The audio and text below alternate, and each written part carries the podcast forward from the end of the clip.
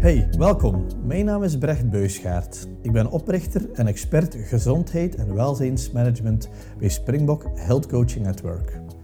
Zalig dat je er terug bij bent en enthousiast dat je de tijd neemt om te luisteren naar onze zevende Springbok Walk Your Talk podcast. Straks gaan we samen op wandel met de jarige Philippe van Eekhout. Sinds 2012 de gedelegeerd bestuurder bij Liantis en voorvechter van een authentieke, mensgerichte business. Philippe noemt zichzelf een verdwaalde jurist en vertelt mij zeer open over de actuele communicatiechallenges binnen het recent hervormde Liantis. Het bedrijfscredo van Liantis, samenwerkt, is meer dan ooit een oerkracht om een hygiënisch mensenbedrijf zoals Liantis te laten overleven. Verder inspireert hij me nog met enkele scherpe one-liners en attendeert hij me erop dat mentale souplesse het talent is om nu meer dan ooit het positieve verschil te maken. Ik hoop dat jullie evenveel goesting als mezelf hebben om er opnieuw in te vliegen. Let's go for a walk. Goedemorgen. We zijn hier in uh, Alteren bij het Kranenboelpad. Uh, op jouw verjaardag dan nog. Ja, klopt. klopt. Uh, echt de max dat je... Dankjewel. Ja, dat je eigenlijk zelfs op je verjaardag de tijd neemt om aan mij in de natuur te gaan verdiepen over gezondheid en welzijn op de werkvloer. Zeer graag. Um, ja, Filip, vertel anders een keer een klein beetje over jouzelf. Hey. Um, mensen die je niet goed kennen, uh, jouw rol bij Liantis, maar ook ja, mag ook wel een personal touch, een human touch inzetten. Uh, ja, kun je daar een klein beetje over ja. vertellen? Wel, laten we eens beginnen met het belangrijkste. Ja. Uh, eventjes in de privésfeer. Dus ik word vandaag 51. Ja. Uh, gelukkig getrouwd met Sabine. Ja. Drie kinderen, die geen kinderen meer zijn, maar volwassenen. Dus Michiel is er 26, Marie is 23 en Maarten 21. Dus Ja. de jongste, Maarten, studeert nog. Uh, doet politieke. Michiel en Marie zijn aan de slag in respectievelijk de bankwereld en, het, en de consultancy. Um, carrière gestart na het afstuderen. Ik ben een jurist, maar een Ja. beetje een verdwaalde jurist. Oké, dat, is- dat- dat een interessante Ik profiel. ga je dat onmiddellijk toelichten. Ja. Eh, maar dus rechten gestudeerd Ja. en aan de slag gegaan op de studiedienst van het eh, toenmalige NCMV, nu. Unizo. Vijf jaar als fiscaal adviseur en eh, adviseur vennootschapsrecht. Ja. Dus ik heb tijdens mijn job bij Unizo de kans gekregen om een master na master te doen in vennootschaps- en ondernemingsrecht. Ja. En dus die vijf jaar allee, zijn toch eigenlijk ook wel wat bepalend geweest voor de rest van de loopbaan. Ja. Eh, in 1999 ben ik eigenlijk eh, overgestapt naar ja, de accountancy sector. Ik heb daar in verschillende accountancyfirma's gewerkt. Ehm, ja, vanaf dan eigenlijk altijd in, in managementfuncties gerold. Ja. Tot 2010, waar ik eh, ja, gevraagd werd, zoals dat hoorde, op, op assessment en toestanden door een searchkantoor, omdat Ja. men op zoek ging naar een opvolger voor ehm, de algemeen directeur van de groep ADMB. Ja. En eh, ja, ik heb daaraan meegedaan en ik ben daar in, eh, in de zomer, in juli 2010, ehm, bij ADMB binnengegaan als toekomstige opvolger hè, van de algemeen directeur. Ja. En dus eh, begin 2012 ben ik daar gedelegeerd bestuurder geworden. Ja. En dat is tot op vandaag, wezen het dat het niet langer ADMB is, maar dat we met een aantal gelijkgestemde zielen Ja. eh, die vonden dat als je de krachten bundelt, dat je dan voor de klant nog veel meer kan betekenen, Mhm. hebben we eigenlijk de, de drie groepen ADMB, Zenito en Provicmo, hebben we eigenlijk in het najaar van 2018 één gemaakt. En dat is Liantis geworden. Prachtige rebranding Dat trouwens. is, eh, ja, maar waar mensen dachten van, ah, tof, een nieuwe naam, eh, was eigenlijk de nieuwe naam ja, het, het minst van de zorgen of het minst van het werk. Ja. Het was eigenlijk vooral wat er, wat er onder die nieuwe naam zit, achter die nieuwe naam. Dus eigenlijk echt wel ja, het bundelen van krachten voor, Ja. van mensen die, die ondernemers ondersteunen, die werkgevers ondersteunen, die bezig zijn met welzijn en preventie. Al die mensen samenbrengen in, in één sterke nieuwe groep. Ja. Dat, ehm, ja, dat is eigenlijk wel eh, het, het, meest fantastische op het pad geweest eh, tot nu toe. Ja. En dat, elke eh, dag. Hè. en dat elke Filip eigenlijk een van de denk, moeilijkste oefeningen van allemaal was. Om eigenlijk al die verschillende pijlers, entiteiten, onder één vlag te gaan, te gaan structureren. Ja. Wat zijn daar eigenlijk bedrijfscultureel? Ik denk dat dat ook heel veel uitdagingen met zich meebrengt. Ja, klopt. klopt. Wat zijn daar zo'n beetje de, de belangrijkste lessons learned uit Hans dat proces?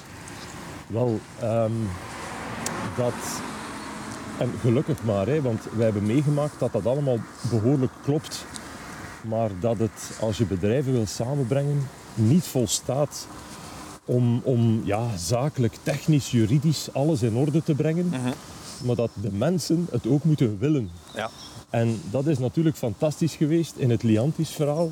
Wij hadden al onwaarschijnlijk veel mensen in die drie organisaties die wilden het beste doen voor ondernemers. En als die, vlag, als die vlag er staat van ja, allee, dat willen we sowieso. En we kunnen het nog beter doen als we dat samen doen. Ja, dan wordt het wel iets makkelijker dan mensen die niet datzelfde DNA delen. Hè, want historisch hadden wij toch wel al een stuk hetzelfde DNA. Maar om, om, als je twee wild vreemde firma's moet bij elkaar zetten en zeggen voilà, en kom nu maar overeen, want je werkt voor dezelfde klant, dat gaat niet zo makkelijk. Ja. Dus voor mij is, is het willen, het, het, hetzelfde DNA hebben van die mensen die daar, die al aan de slag waren, doorslaggevend geweest voor, voor eigenlijk het succes van Liantis en vooral het Liantis kunnen worden. Het zou kunnen dat dat anders nooit zou gelukt zijn. Want het gaat toch over 1800 mensen Ja. die ineens in, in eenzelfde organisatie terechtkomen. Hè. Ja. Nu neuzen in dezelfde richting, inderdaad, diezelfde vlag nastreven. Ja, maar dat kan toch niet altijd roze geur en maneschijn geweest zijn voor 1800 mensen. Los van, van het feit dat jullie waarschijnlijk zeer mensgericht aan het recruteren zijn. Dat er dat toch ja, een bepaalde challenge geweest is om dat toch zover te krijgen dat iedereen mee is in dat verhaal. Eh, zeker weten. En Ja. eh, pas op, nog elke dag. Hè. Ja. Allee, dit, dit is niet iets wat je doet en dan zegt voilà, het is er. En nu laten we het los. Mhm. Ja. Het is elke dag heel zorgvuldig meekijken, mee coachen. Ja. Eh, van allee, zitten we nog allemaal op hetzelfde spoor? Mhm. En uiteraard is het zo. En ehm, ja, het, het willen en het, het graag eh, meewerken aan begint natuurlijk bij de basis, bij wat wij de potgrond noemen. Mhm. Hoe zit dat eigenlijk met, die, met dat personeelsstatuut? Ja. Want niemand kan enthousiast worden over iets als dat iets zou betekenen dat hij morgen minder verdient, minder faciliteiten krijgt enzovoort. Ja. Dus wij hadden in die groepen mensen die al konden thuiswerken, we hadden er die niet konden thuiswerken. We hadden er die een bepaalde loonbonus hadden, die wat hoger of lager was, was dan bij anderen. Eh, we hadden er die, ja, eh, die, die, die op een andere manier verloond werden, vergoed werden. Eh, en uiteraard alles, alles binnen een, een, een, een wettelijke context en gegroeid vanuit een bepaalde historiek. Ja. Maar dan stel je vast van ja, en dit gaan we nu proberen ehm, één maken. We gaan daar een homogeen statuut van maken. En daarvoor hebben we ons, onszelf echt wel drie jaar de tijd gegeven. Ja. Dus we hebben in 2015 aangekondigd aan alle medewerkers. Kijk, in 2018 willen we één groep zijn. En we hebben echt wel die tijd nodig gehad om, om die groep te kunnen vormen. Ja. Dus is dat altijd roze geur en maneschijn? Nee, helemaal niet. Ik denk dat een aantal mensen eh, elk jaar twee jaar ouder geworden zijn. Omdat het zo ingrijpend is en zoveel werk. Maar de trots dat het dan toch gelukt is, is er uiteraard niet minder om. Hè. Ja, ja. Dus het is ook wel inderdaad, zoals hij zegt, een continu blijven investeren in alle dimensies eh, rond die zorg voor de medewerker. Hè. Zeker. Hoe centraal staat de medewerker binnen Liantis zelf? Wel, eh, wij zijn eigenlijk een mensenbedrijf. Wij, Ja. wij, wij zetten dat ook zo in onze brochures, maar dat is nu eenmaal zo. Wij zijn eigenlijk een partner voor de ondernemer voor alles wat met mensenzaken te maken heeft. Ja. Zijn persoonlijke sociaal statuut, ehm, zijn versterkt sociaal statuut, hè, zoals met een aanvullend pensioen. Eh, alles wat te maken heeft met het aanwerven van medewerkers, het, het, het aansturen van medewerkers, het betalen van medewerkers, eh, alles in orde houden qua administratie, maar ook een stuk advies en begeleiding daar rond. Ja. Welzijn en preventie van medewerkers. Ehm, ja, tot, tot en met hè, eigenlijk ja, het, het afdekken van risico's. Hè. We hebben ook een zeer grote verzekeringsmakelaar in onze groep. Ehm, en dat gaat eigenlijk tot en met het pensioen van de ondernemer zelf. Ja. Dus eigenlijk, als je, als je heel die ketting bekijkt, dan dekken we eigenlijk mensenzaken af. Dat betekent natuurlijk, als je, als je dat wil doen voor klanten, voor ondernemers, dat je, dat je ja, onder het motto drink your own champagne, hè, ehm, dat je natuurlijk in je onderneming zelf ook het voorbeeld wil geven. Ja. En ook voor de mensen het allerbeste wil. En ik denk dat, dat we ook daar elke dag naar streven. Ehm, Maar ook dat begint met de basis, die moet goed zijn. En dan kan je daar beginnen op verder bouwen. Ja. We gaan een keer even een klein beetje teruggaan in ons gesprek, Filip. In 2012 beslis je om voor de job te gaan van gedelegeerd bestuurder van, van Liantis. Wat was voor u de driver om het verschil te maken? Om de- te kiezen voor deze job? Goh, dat is een goeie. Ehm, een goede vraag. Ik denk dat dat ergens, ergens intrinsiek in het, de aard van het beestje ligt. Ja. Proberen het verschil te maken, proberen impact te hebben. Niet echt aarden in ondernemingen waar je nummer 683 bent van de 2000. Ja. Maar dan liever samen met heel veel mensen proberen ja, ehm, het pad uit te stippelen. Ik, ik denk dat dat, ja, dat zal een intrinsiek gegeven zijn. Ik kan, Is, is eh, dat dan het aard van het beestje, Filip? Dat je ergens, allee, symbolisch, hè, dan een tafelspringer bent? goh, tafelspringer, Als het nodig is? tafelspringer is, is, is een groot woord, denk ik. Ehm, ja, het is een stuk ja, verantwoordelijkheid willen nemen, maar dan ook een stuk ehm, heel graag zien dat als het dan lukt en, en als de mensen ehm, allemaal samen kunnen werken naar dat ene doel en dat lukt, dan daar ook allee, samen kunnen van genieten van kijk eens mensen, we staan al zo ver. Ja. En allee, we zeggen het in, onder de collega's in het directiecomité wel heel vaak. Als we in de achteruitkijkspiegel kijken, dan mogen we zeggen van, "Goh, er is toch al wel wat afstand afgelegd. Maar elke keer betrappen we ons op dat we veel meer in die vooruit kijken en zeggen, goh, er is nog wel wat werk te doen. Ja. En ik denk dat dat ook de aard van het beestje is. Van nooit echt tevreden. Het kan altijd nog net iets beter. Oké, ah, ik denk dat Er is, dat... er is een Frans spreekwoord dat zegt, ehm, dat gaat dan over geliefden. Je t'aime plus que hier et moins que demain. En wat, wat, wij, wat wij bij Liantis proberen te doen, is elke dag iets beter werken voor de klant dan de dag ervoor. En beseffen dat het allicht nog net iets minder is dan de dag erna. Ja. Want als dat niet is en je begint achterover te leunen, dan denk ik is het einde nabij. Nee. Je mag eigenlijk nooit tevreden zijn. Nee, ik denk dat dat een dynamiek is dat je er echt wel in, in gekregen hebt. Ik denk dat het wel voelbaar is dat Lientis meer dan ooit aanwezig is in de markt. hè. Eh, nu, als je... Uw proces is acht jaar dat je in die functie zit. Je hebt heel veel mooie dingen verwezenlijkt. In jullie blik op de toekomst heb je mooi eh, geduid. Nu, Filip, hoe sta je hier nu, vandaag, op dit moment? Dus je kunt inderdaad vooruitkijken, achteruit. Maar op dit moment in uw leven, als dat nou nu een keer bevriezen, dan we freezen. Ja? Professioneel, hè? dan? Professioneel, privé, de mens, Filip van Eekhout, hoe sta je nu vandaag in deze wandeling? Privé, geen zorgen. En dat is goed. Mhm. Want ik denk dat ik heel wat minder zou kunnen functioneren professioneel, mocht het privé niet goed zijn. Dus dat is fantastisch. En dat is ook, denk ik, de rode draad in alles wat ik al gedaan heb. Ja, Ik kon mij riskeren om telkens een stap te zetten naar links of naar rechts of vooruit. ja, Omdat ik wist van, ik, ik heb die warme thuisbasis waar alles stabiel is. Mhm. En dat vind ik een hele belangrijke. Dus wat dat betreft, no problem. En mag ik hier, ik een stabiliteit in een privécontext een beetje concreter? Wat is voor u daarin belangrijk, die stabiliteit? Wat is dat? Dat is weten dat wat er ook gebeurt op een dag op het werk, en er gebeurt altijd iets en zelfs meerdere dingen die Ja. je niet verwacht, en hoe zwaar het ook is en hoeveel, hoe hoog de stress ook is, dat je weet dat als je s'avonds thuis komt, dat dat daar eh, niet over gaat. Ja, Dat dat gaat over de normale dingen van het leven, die er ook echt toe doen.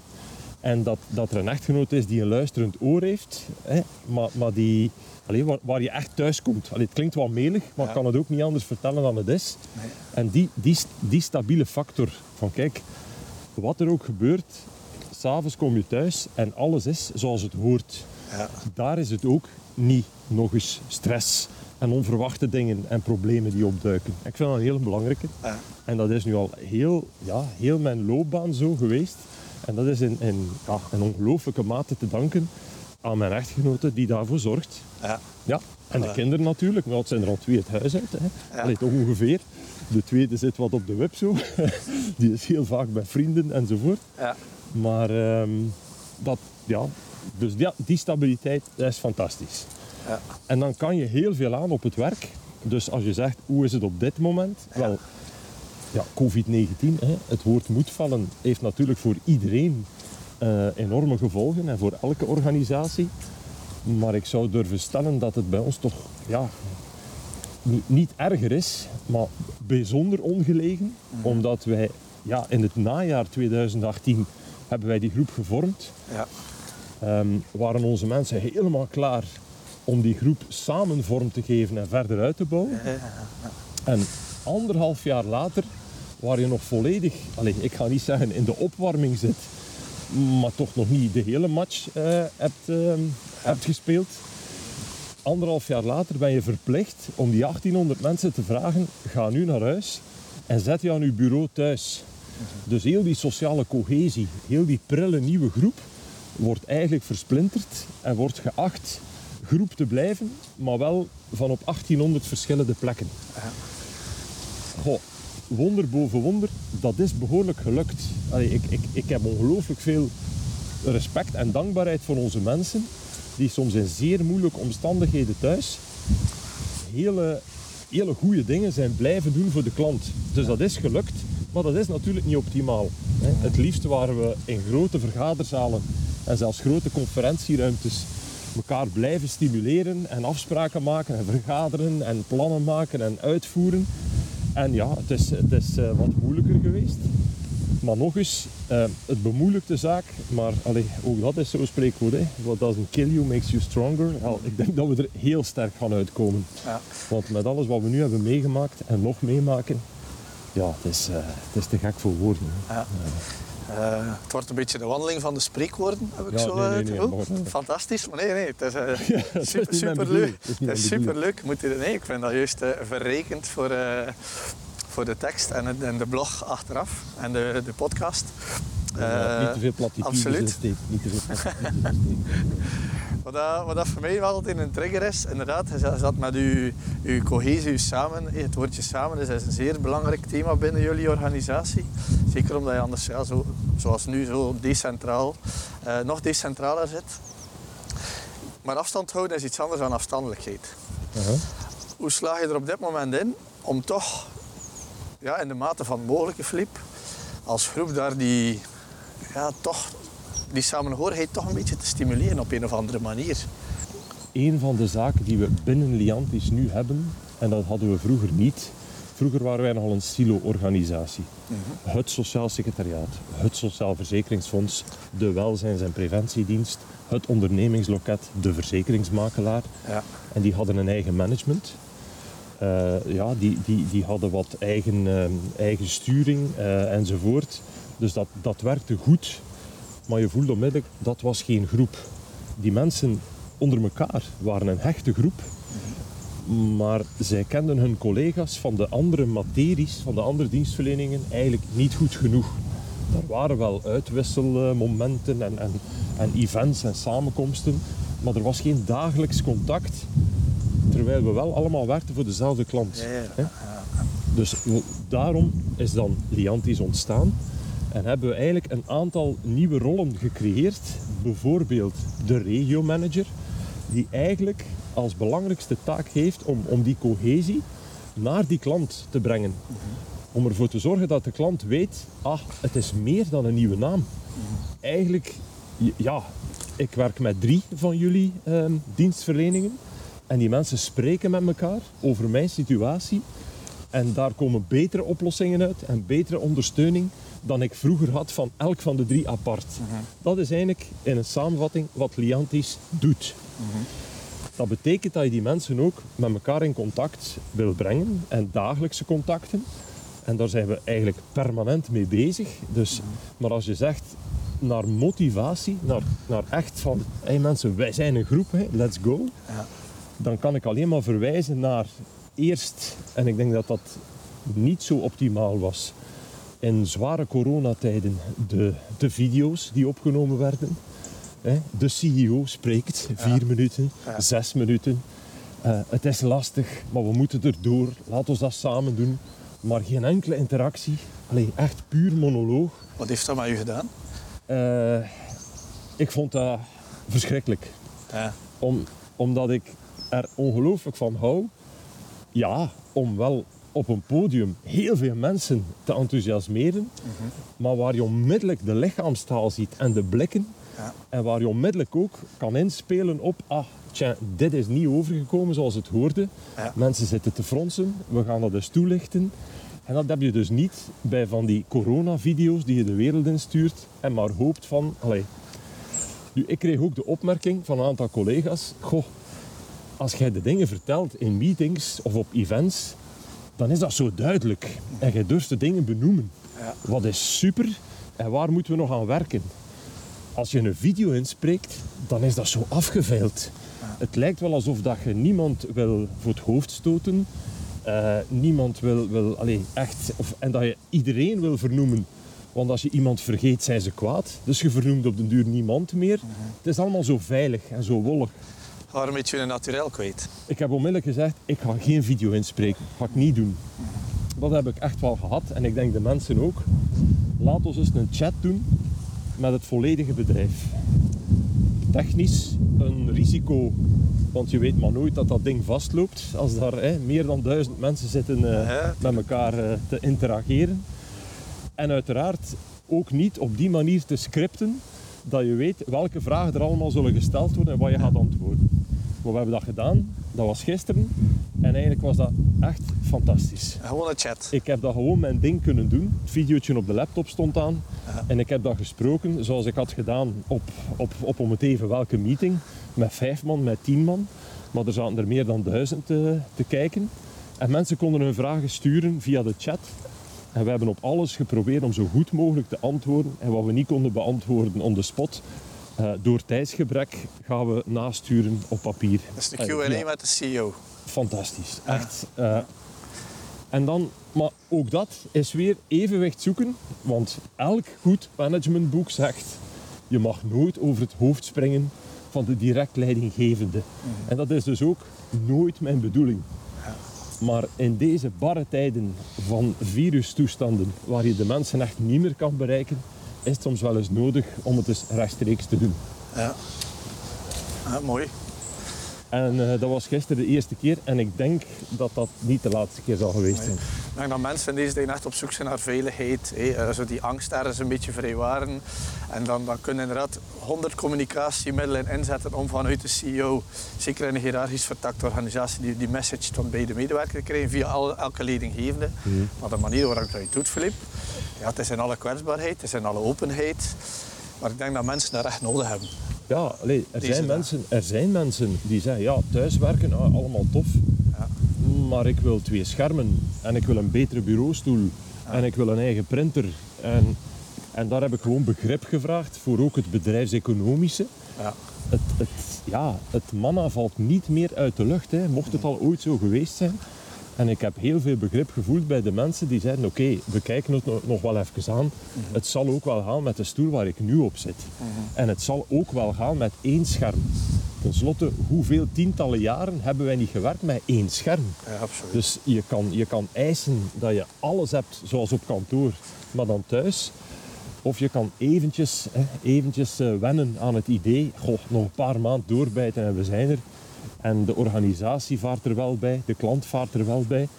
En als werknemer heb ik ook meer baat bij een organisatie die de lange termijn continuïteit in de gaten houdt. Dan een die nu begint duizend schermen bij te kopen en dan zegt volgend jaar, ja jongens, nu gaan we toch eens moeten spreken, want eh, er is geen geld meer over voor dit of dat. Ja. Dus in die zin, ja. Maar ik heb wel het gevoel dat die manier van communiceren er een hele, een hele goede was, of Ja. is. Ja, oké. En dat brengt me bij verdwaald jurist. Door destijds bij Unizo te starten, daar was een, eh, een zeer goede communicatiedirecteur. En ehm, ja, wij schreven als adviseur van de studiedienst eh, adviesrubrieken en, en, eh, en nieuwe wetgeving die we in mensentaal moesten uitleggen. Ja. En ik zweer u, als je vijf jaar rechten gedaan hebt, want je studeert dat niet, hè. je doet rechten. Hè. Maar als je dat gedaan hebt en je, je moet een tekst schrijven, dan is het, het- de kans dat je overwegende dat eh, en, en uitzondering op uitzondering enzovoort, dat je dat allemaal gebruikt, zeer groot. En die man heeft er binnen de kortste keren voor gezorgd ja, dat ik eigenlijk schreef voor het publiek waar het voor bestemd was.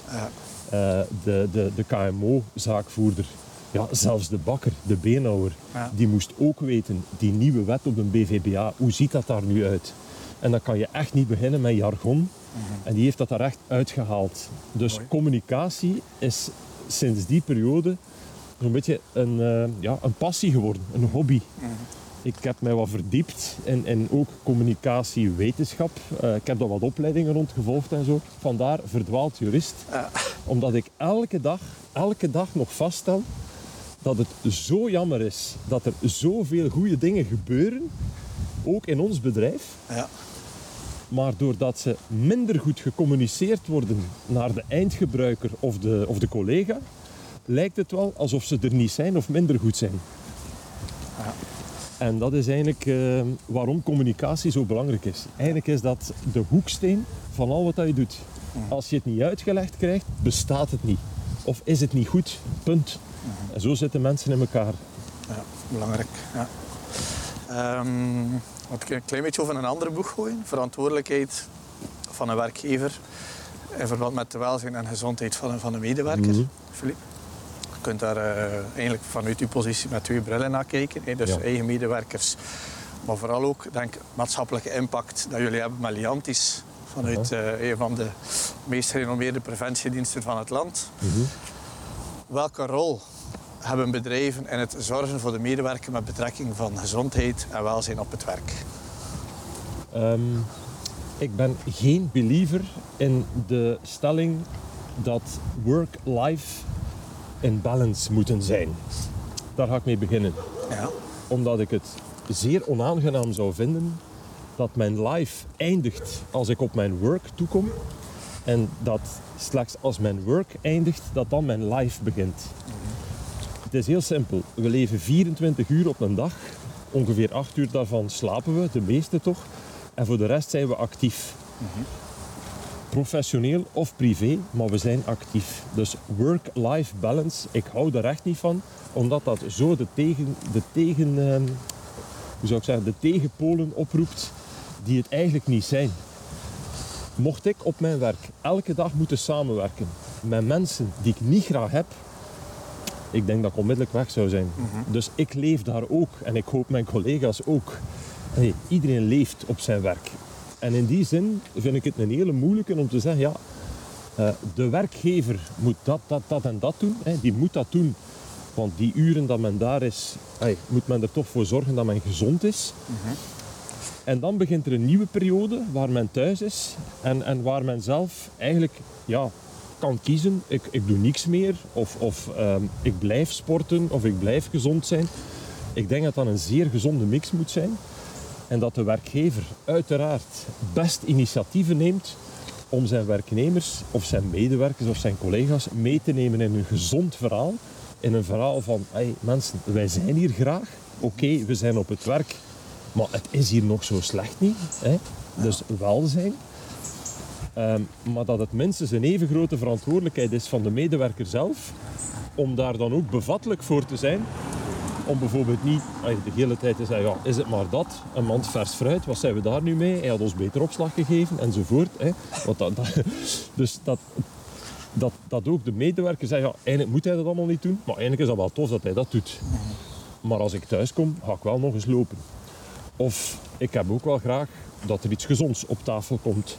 Hè. En dat, dat, het is nooit het een of het ander. Allee, het is een heel lange uitleg om te zeggen, je kan het niet uit elkaar halen. Voilà, ja. Dus het is eigenlijk een, eh, een aanpak die veel verder gaat dan de, dan de, de muren van een bedrijf. Hè. Voilà. Ik denk dat Voilà. eh, hey, de zaken die ik al een paar keer aan, aan gereikt gekregen heb, is, is, het, is- het blijft gaan over gedeelde verantwoordelijkheden. Het is uiteindelijk de medewerker die moet heft en aannemen om in zijn leven, nee, want ik ben volledig mee in uw verhaal hoor. Het gaat inderdaad over een geïntegreerd verhaal. Het gaat niet over een balance. Ja, voilà. Het gaat over, over leven en gelukkig zijn in je leven. Voilà, En, en de dingen doen waar je gepassioneerd van bent, waar je een drive van krijgt, die je, die je warm maakt. Eigenlijk om elke dag uit je bedje eh, fluitend van en fluitend naar het werk te gaan. Yes, Nee, dus dat niet alleen in één, één richting eh, Ja, marcheert. voilà, dus, eh. We zijn nog niet rond. Dus Nee, we gaan... eh, perfect, perfect. Het is, een, eh, als we die straat nemen, zijn we wel rond. Dus we zo'n beter nog... het, is, eh, het is hier wel zalig, jong. Wel om, hier, om, hier, om hier te wonen, Filip. Amai. Wel, ik woon niet in dit bos, maar Ja. net aan de rand. Ehm, ja, alleen twee minuutjes hiervan. Ja. Ja, het is hier echt zalig. Kun je eigenlijk rond de Vever zelf ook wandelen? Of, eh, Nee, nee, nee. nee, omdat Ja. daar een paar privétuinen aan zitten. Hè. Ja. Nu, als je dat moet uitdrukken in een bepaalde waarde van belangrijkheid. Ja? Een medewerker die goed in zijn vel en goed in zijn hoofd zit. Mhm. Hoe belangrijk is dat voor jou als leider? Ehm, het gaat eigenlijk over gezondheid en hygiëne. En nu heb ik het over het bedrijf of de organisatie of wa- allee, waar je ook actief bent. Een bedrijf moet in de eerste plaats kijken naar gezondheid van het bedrijf. Ja. En gezondheid betekent, hebben wij alles in handen, kunnen we alles doen om dit bedrijf structureel rendabel te houden. Want rendabel betekent, we zijn continu aan het verder bouwen en aan het groeien. Of we overleven, hè, maar we gaan nog heel lang overleven. Het zit goed. We zijn een gezond bedrijf. Hygiëne is, goh, er doet zich iets voor. Zouden we niet eens heel snel twee mensen daarbij pakken voor een jaartje om die dienstverlening op punt te zetten? Ik heb het nu niet over Leantis, ik heb het over alle bedrijven eh, in dit land. Zouden we niet eens die prijs 2 euro verhogen? Dan gaan we een mooie omzet halen dit jaar en dan kunnen we die kost daarmee compenseren. Dat is hygiëne, korte termijn. Ja. Gezonde medewerkers, gezond in alle betekenissen van het woord, maken deel uit van de gezondheid van een bedrijf. En daarom is dit, ja, dat is niet alleen belangrijk, dat is gewoon essentieel. Ja. Zonder gezonde medewerkers kan je geen gezond bedrijf hebben. Kan niet. Ja, Zeker niet een bedrijf dat, zeker zoals het onze in de dienstensector, op mensen draait. Hè, die men, ja, wij hebben alleen maar mensen. Oké, ondersteund door wat IT en wat platformen en wat software. Wat zijn de mensen die het doen? Hè? Ja. Ehm, en dus zeker in een bedrijf zoals het onze maken ze deel uit van de gezondheidsfactor van ons bedrijf. En dus in die zin zijn ze essentieel. En ik hoop dat we dat echt doen, maar moeten we onze mensen elke dag koesteren.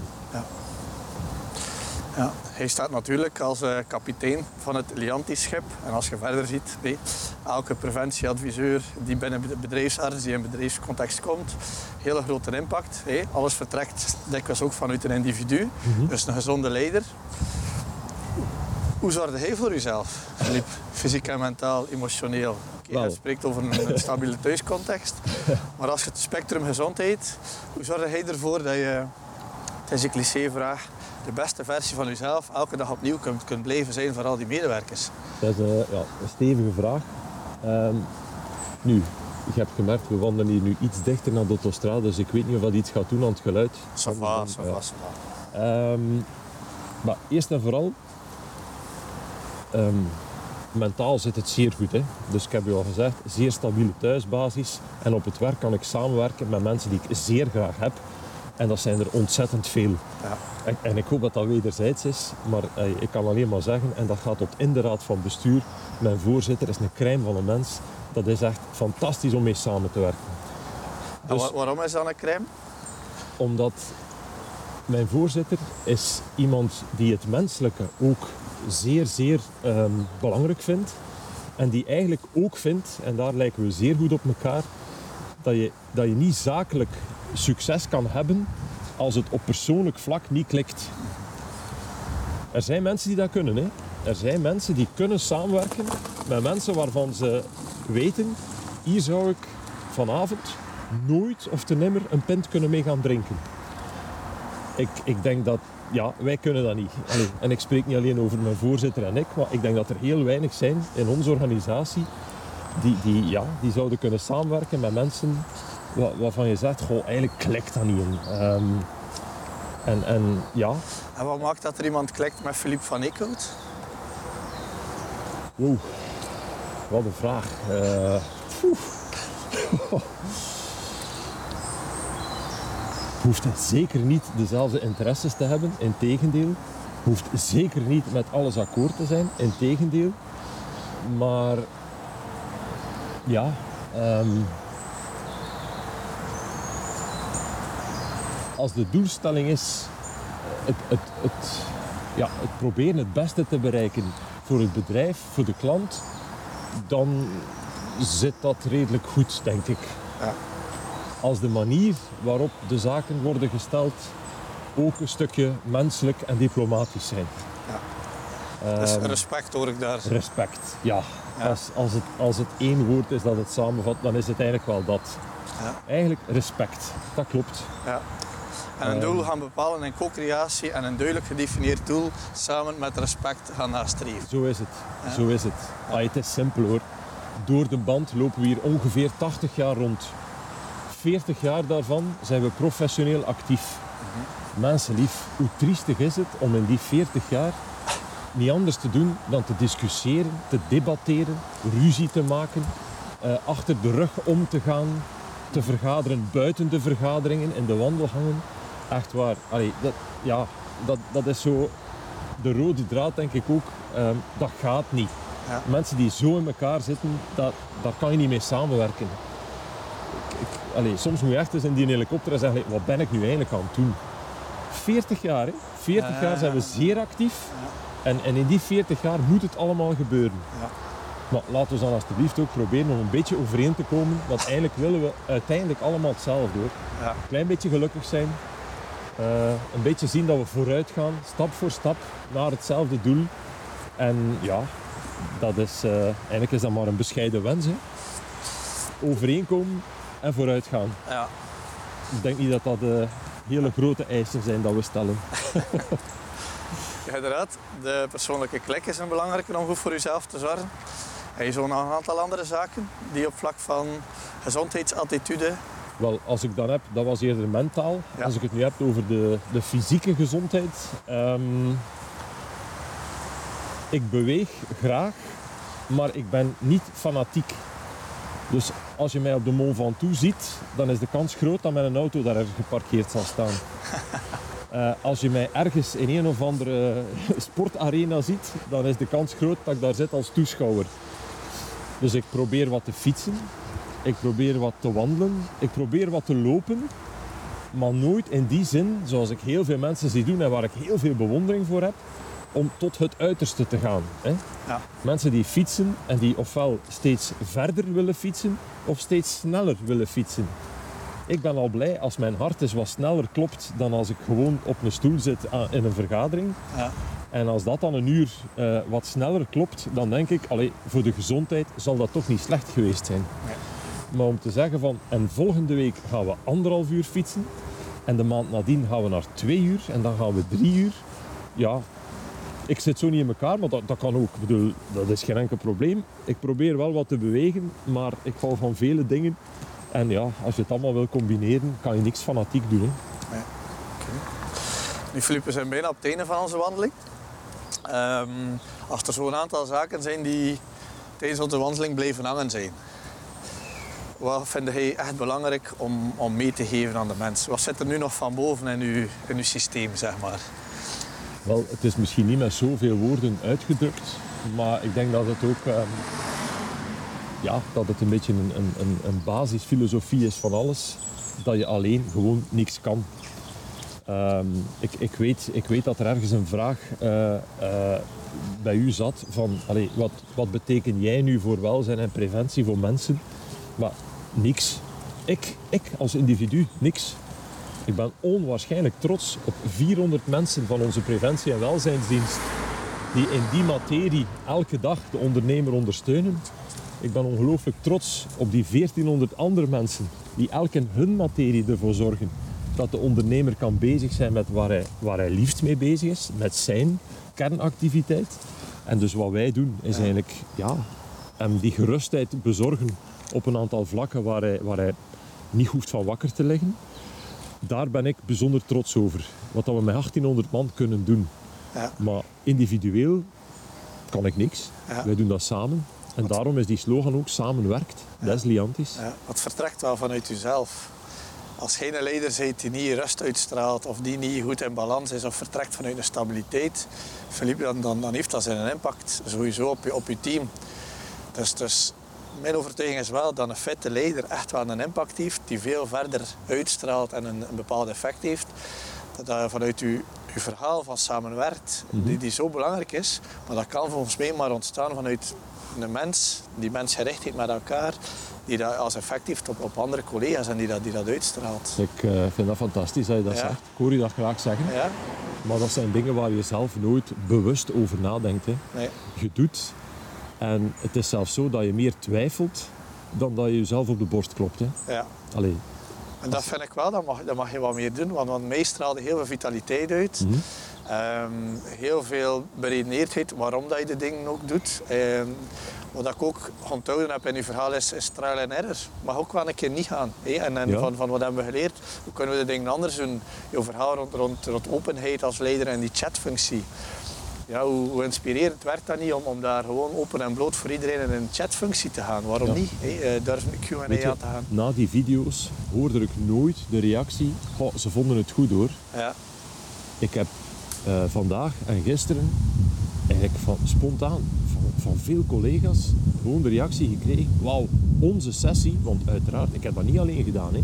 We doen het altijd met een aantal mensen, maar onze sessie is enorm gesmaakt. Ja. Mensen vonden het tof. Mensen vonden het ook tof om je eens te, te horen aarzelen. Ja. En om op een aantal vragen niet te kunnen antwoorden. Want dan weten ze ook, er is geen antwoord. Ja. We, we, vragen, we vragen nu al te veel zekerheid in een onzekere wereld. Ja, merci daarvoor. Allee, recht, zeer graag. Ik zou je een hand geven, maar het mag Ah, niet. ja, nee, maar een elleboogje.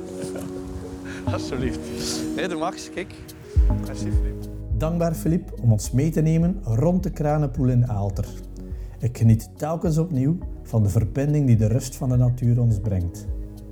Er volgen nu nog een zestal blogs en podcasts, maar die krijg je na de lancering van het boek Wealthy Workplaces in februari 2021. Ik zou jullie wel eens aanmoedigen om ons zo trouw mogelijk te blijven volgen en jullie enthousiasme met de hashtag WalkYourTalk te delen met de wereld via alle sociale mediakanalen. Voor een overzicht en samenvatting van de Springbok Walk Your Talk podcasts en blogs kan je terecht op onze websites springbokcoaching.be en inywise.be. Ook een pre-order van het boek is daar al mogelijk. Tot de volgende. Stay wealthy and keep safe. Ciao.